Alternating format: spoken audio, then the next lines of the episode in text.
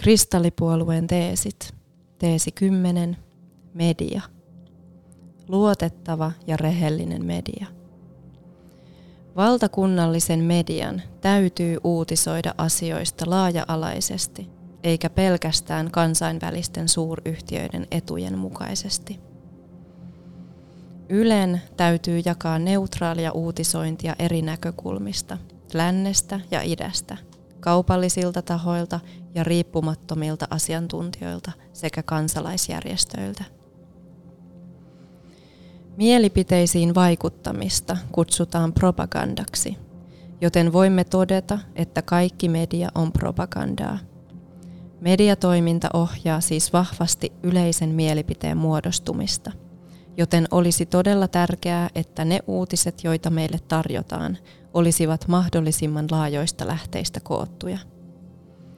Tämänhetkinen tilanne maassamme on valitettavan yksipuoleinen – Mediamme välittää melkein pelkästään länsimaisten mediayhtiöiden tuottamaa sanomaa, jonka tuottamisessa painotetaan kansainvälisten korporaatioiden etuja. Esimerkkejä on lukuisia, joista tässä muutama.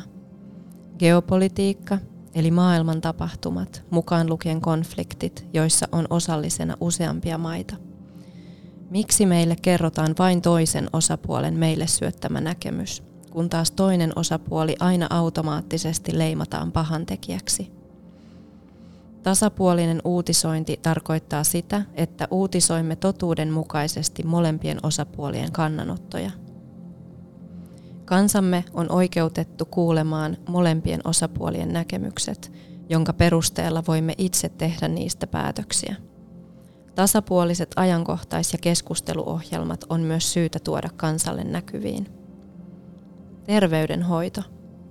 Miksi ääneen päästetään vain lääkeyhtiöiden etuja ajavia edustajia, kun taas muut leimataan puoskareiksi ja huijareiksi antamatta heille tasapuolista mahdollisuutta kertoa näkemystään? Lääkeyhtiöt jäävät jatkuvasti kiinni suuren mittakaavan huijauksista lääketurvallisuudessa ja tehokkuudessa – mutta koska sakot ovat pieniä tuottoihin nähden eikä henkilökohtaista vastuunkantoa tapahdu, voi toiminta jatkua vapaasti. Medialla on suuri vastuu kansan hyvinvoinnin ajamisessa ja sen pitää alkaa käyttämään sitä kansan hyväksi. Pankkien toiminta. Korruptoitunut pankkijärjestelmämme ohjaa niin poliitikkojamme, mediaamme kuin oikeusjärjestelmäämme – Raha on moderni orjuuttamisen väline ja rahajärjestelmän luoteesta tiedottaminen kuuluu vastuulliselle medialle. Luonnonsuojelu. Median tehtävänä on antaa tukensa Suomen luonnon suojelemiseksi, eikä sen tuhoamiseksi taloudellisen voiton tavoittelun nimissä. Luonto on kansallisaarteemme – joten median täytyy antaa riittävästi näkyvyyttä kaikille niille hankkeille, jotka uhkaavat tuhota sitä. Näkyvyys tarkoittaa sitä, että riippumattomat tutkijat sekä kansalaisjärjestöt saavat kertoa oman kantansa julkisuudessa sen ansaitsemalla huomiolla. Yllä olevista neljästä esimerkistä voi jokainen todeta, että valtakunnallisen median toiminta on erittäin puutteellista – mutta kuitenkin mediamme toiminnassa on paljon hyvääkin. Siellä on esimerkiksi paljon hyviä toimittajia, joilla on kykyjä erittäin hyvään uutisointiin. Sitä myös vielä valvotaan, vaikkakin toiminnassa olisi parantamisen varaa.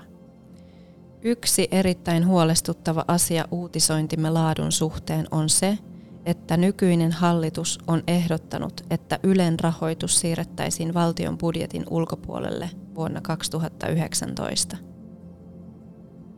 Tuo käytännössä merkitsisi median totaalista riippuvuutta sen rahoittajista, niin että Yle valjastettaisiin todella näkyvästi propagandakoneistoksi, jonka todellinen tarkoitus olisi hyödyttää rahoittajien intressejä. Ulkopuolinen rahoitus – tarkoittaisi käytännössä Ylen yksityistämistä niin, että sen pääasiallinen tarkoitus olisi tuottaa voittoa omistajilleen, eli suuryrityksille tavalla tai toisella. Tällä hetkellä, vaikka Yle toimiikin jo varsin puutteellisesti, sitä vielä valvotaan ja sen toimintaan voidaan puuttua. Ylen toimintatapoja voidaan vielä helposti muuttaa palvelemaan totuuden esiin tuontia ja kansalaisten etua. Valtio, eli kansa, omistaa vielä Ylen, joten pidetään huoli siitä ja ohjataan sen toiminta takaisin oikeille raiteille.